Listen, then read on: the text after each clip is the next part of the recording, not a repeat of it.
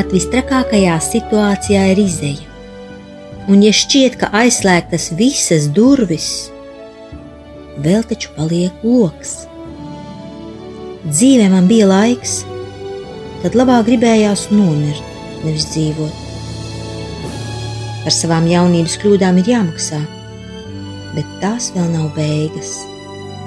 Dievs man atvēra logu un dāvāja jaunus spārnus, lai mācos atkal lidot. Viss ir iespējams, tikai tici, ceri un mīli. Dievs ir ar tevi arī tad, kad tu to nejūti. Es to zinu droši. Laura. Šādi vārdi ir uz grāmatas pēdējā vāka bet nu lasīsim pirmo fragmentu no Lauras Niedres dzīves stāsta, vai baltajiem zirgiem jāpaliek sapnī.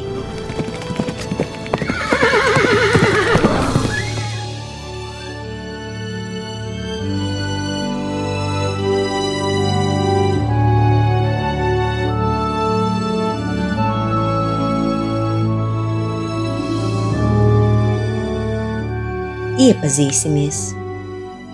Es esmu grāmatas autore. Man vienmēr ļoti paticis smaidīt un smieties un dziedāt. Mani tuvākie draugi laikam nemaz nevarētu iedomāties mani bez dungošanas un smaida. Taču pirms dažiem gadiem bija pienācis tāds laiks, kad es spēju domāt tikai par nāvi, un mana dziesma bija pavisam apklususi laikam iestrēgusi neizraudātu asaru kamolā. Mana dzīve bija nonākusi strupceļā. Vairs nebija nekādas izejas, absolūti nekādas iespējas kaut ko mainīt. Ticēju dievam, lūdzu palīdzību, bet nekas nemainījās. Es izdzisu ar katru dzīves minūti. Man trūka elpas, metās tumšs gar acīm, es sāku raustīt valodu. Situācija bija neatrisināma. Mūža nolemtība, vājprāta un vardarbības vidē, kas mani pašu palēnām padarīja tai līdzīgu, kas iesūcās katrā manā dzīvības šūniņā. Tāpēc lūdzu no dieva nāvi, laimīgu kopā nosišanos visai mūsu ģimenei, jo risinājuma nebija. Dievs neatbildēja. Bet tās bija tikai manas kurlās ausis, kas nedzirdēja Dievu. Es zināju, ka Dievam ir risinājums katrai situācijai, taču nespēju to sagaidīt. Bet risinājums nāca tik pēkšņi, ka es pat nespēju uzreiz noticēt. Tas nāca no daudzām pusēm vienlaicīgi un satikās vienā punktā. Izstiepās daudzas palīdzīgas rokas, lai izrautu mani no šī vaiprāta. Tagad es atkal dziedu vienmēr un visur, un smejos no sirds. Tas tiešām ir Dieva brīnums bet lasīsim visu no sākuma.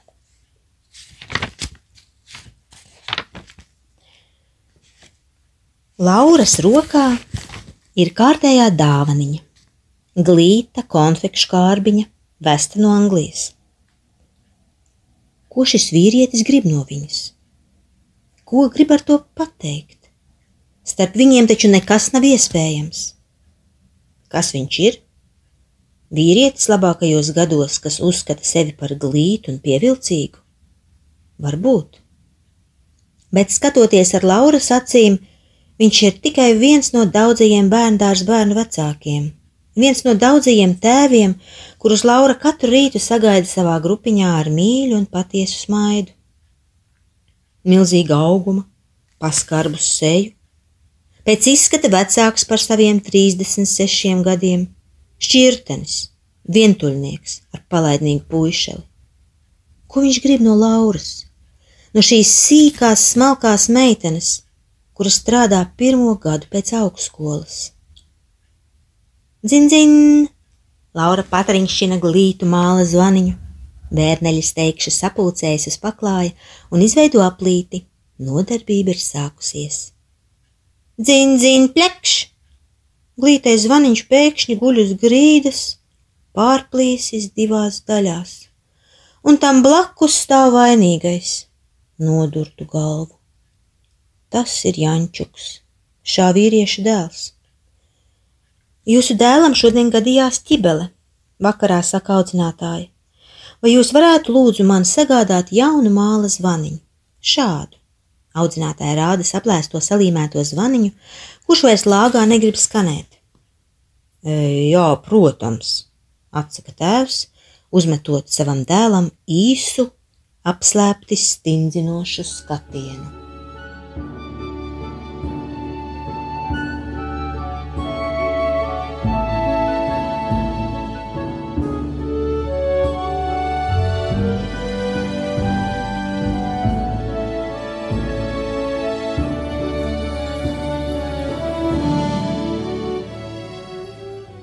Vakars. Laura, sakopusi grupiņu, dodas uz autobusu pieturu, bet priekšā viņš savā sarkanajā sporta mazdā. Jūs man prasījāt zvaniņu. Jāņa tētis atver durvis un sniedz prasīto. Jā, paldies, atbild Laura, nedaudz pārsteigta par tik ātri sadabūto priekšmetu. Vai var jūs aizvest? Viņš jautā. Nē, nē, paldies, mums nav pa ceļam, atbild Laura un atvedās. Paiet vairāki rīti un vairāki vakari, un atkal Laurai māju pejot, gar bērnu dārzu joņos sarkanā mazda. Jāņa tētis nobremzē tieši Lauras priekšā. Šodien mums ir pa ceļam, viņš šelmīgi smaidot saka. Mēs dodamies uz Limbažu pusi, vai varu jūs aizvest? Laura jūtas kā sprukās. Negribas izskatīties lepnai un augstprātīgai. Viņa ieskatās mašīnā un redz, ka aizmugurējā sēdeklī sēž arī Jančuks. Vai mums tiešām ir pa ceļam? Viņa vēl pārjautā, jo, jo, pelēkās acis mirdzinot un smaidot, atsaka Jāņa tētis. Nu, labi, piekrīt Laura un apsēžas Mazdas priekšējā sēdeklī. Brauciens ir īss Viņai līdz mājām tikai 15 minūtes ar autobusu. Lūdzu, pieturiet šeit pieturā, saka Laura. Tālāk es pati. Jāatzīst, ka ir patīkami pēc garas darba dienas atbraukt mājās ar mašīnu, nevis stāvēt kājās pilnā autobusā. To, protams, Laura nesaka skaļi. Jauns rīts bērnu dārzā. Piecgadīgie ierodas jautri un priecīgi. Viņi visi bez izņēmuma mīl Lauru, un arī Laura mīl visus no sirds. Pēc augstskolas tie ir viņas pirmie bērniņi, viņas luteklīši. Laura atceras savu pirmo darba dienu. Tā bija nedaudz biedējoša, jo kolēģi jau no audzinātāju satrauca ar ziņu, ka viņas grupā būšot viens grūti audzināmais, kāds puišelis, Jānis vārdā. Esot palicis vecākajā grupiņā uz otru gadu sliktās uzvedības dēļ, esot absolūti nevaldāms. Pat no skolas esot gribējuši izslēgt, bet tad devuši vēl vienu iespēju laboties. Laura atceras, kā ar trīcošu sirdi 1. septembrī sagaidīja bērnus, mēģinādam uzminēt, kurš no tiem visiem ir izslavētais palaidnis Jānis. Viņa iztēlojās, kāds šis puišelis varētu būt. Kauslīgs, rupšs, spītīgs, varbūt ļauns un dusmīgs, kā bērnības dienās redzētās filmās par palaidņiem. Laura atceras, kā iepazīdamās deva katram bērniņam roku un sasveicinājās, un kā bērni viens pēc otra nosauca savu vārdu. Viņas prātā bija tikai viens vienīgs jautājums - kurš būs Jānis? Kārlis, Kristīne, Girts, Elders, Visi smaidoši, droši, mīļi, bet kurš ir tas briesmīgais palaidnis? Jānis. Klusi, smalkā balstiņā iepīkstējās kāds puišelis un nedroši sniedza roku jaunajai audzinātājai. Jānis? Lauras sirds toreiz vai aizlūza. Šis klusais, bailīgais, mīļais puisēns ir tas izslavētais otrgadnieks, par kuru viņa bija tik daudz prātojusi un baiļojusies. Lauras sirds no pirmā acu skatiena piederēja Jānim, un viņa klusībā apņēmās darīt visu, lai par šo nabaga zēnu neviens nekad vairs nedzirdētu nevienu sliktu vārdiņu. Laura bija aizsapņojusies. Viņa nemanīja, ka grupiņa jau bērnu pilna un ka durvīs stāv un viņu vēro Jāņa tētis ar neļķēm. Vai varu jūs uzaicināt brīvdienās uz kādu kafejnīcu? Viņš jautā. Nē, Laura vienkārši atbild un pasmaida savu kluso samtaino smaidu. Bet varbūt tomēr? Jāņa tēcis neatlaižas. Nē, nē, paldies, es neiešu. Un Laura pievērša saviem mīļajiem, draisklīgajiem bērniņiem.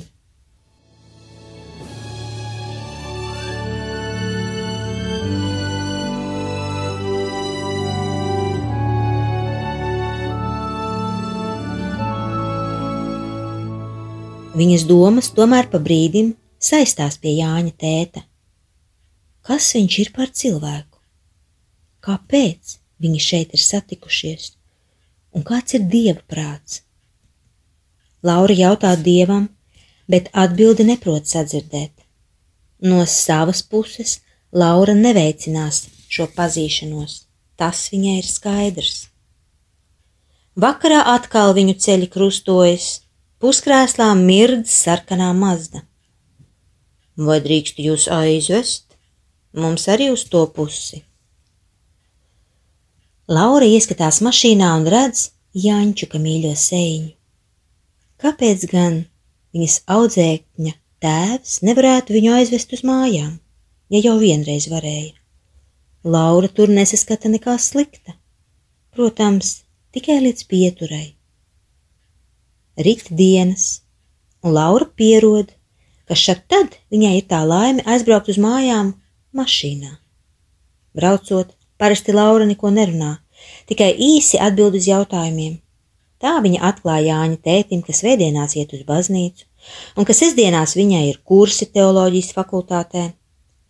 Šad tad, izkāpjot no mašīnas, Jāņa tētis iespiež meitenei saujā kādu šokolādes ķiņķēziņu.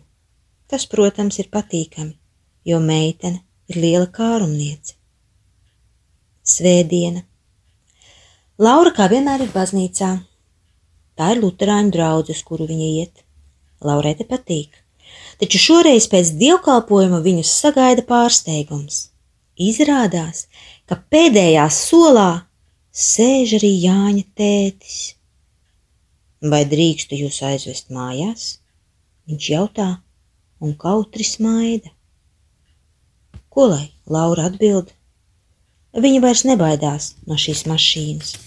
Viņa nedaudz jau ir iepazinusi ar Jāņa tēti no šiem īsajiem māju braucieniem. Laura zina, ka Jāņa tēts ir ticīgs cilvēks. Viņš apmeklē adventistu draugu. Kāpēc gan nepiekrist, ja cilvēks pieklājīgi piedāvā aizvest mājās? Un viņa iekāpa mašīnā. Dīvainākais ir tas, ka Jāņa tētis neapstājas ierastajā pieturā, bet aizved Lauru līdz pašām mājas durvīm. Kā viņš zina adresi? Izpētījis. Lai nu kā, bet Laura ir mājās un izkāpjot saņem kārtējos šokolādes vabolīti.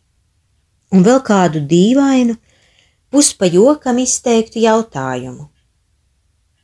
Vai būsi mana sieviņa? Laura nosmēja vien par tādu joku, taču šā jautājuma neparastums iesēžas viņas domās.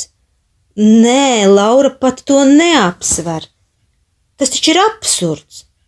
Viņai tikai dīvaini dzirdēt šādu jautājumu. Darba dienas rit viena aiz otras, rāmas un ierastas. Tikai vakaros Laura mājās brauc ar sarkano mazdu. Meitene nesaprot, kā šis vīrietis viņu ir pieradinājis, kā mazu, biklu meža zvērēnu, bez liekiem trokšņiem, liekiem pieskārieniem, liekas uzbāzības. Ar klusu un pacietīgu līdzās būšanu.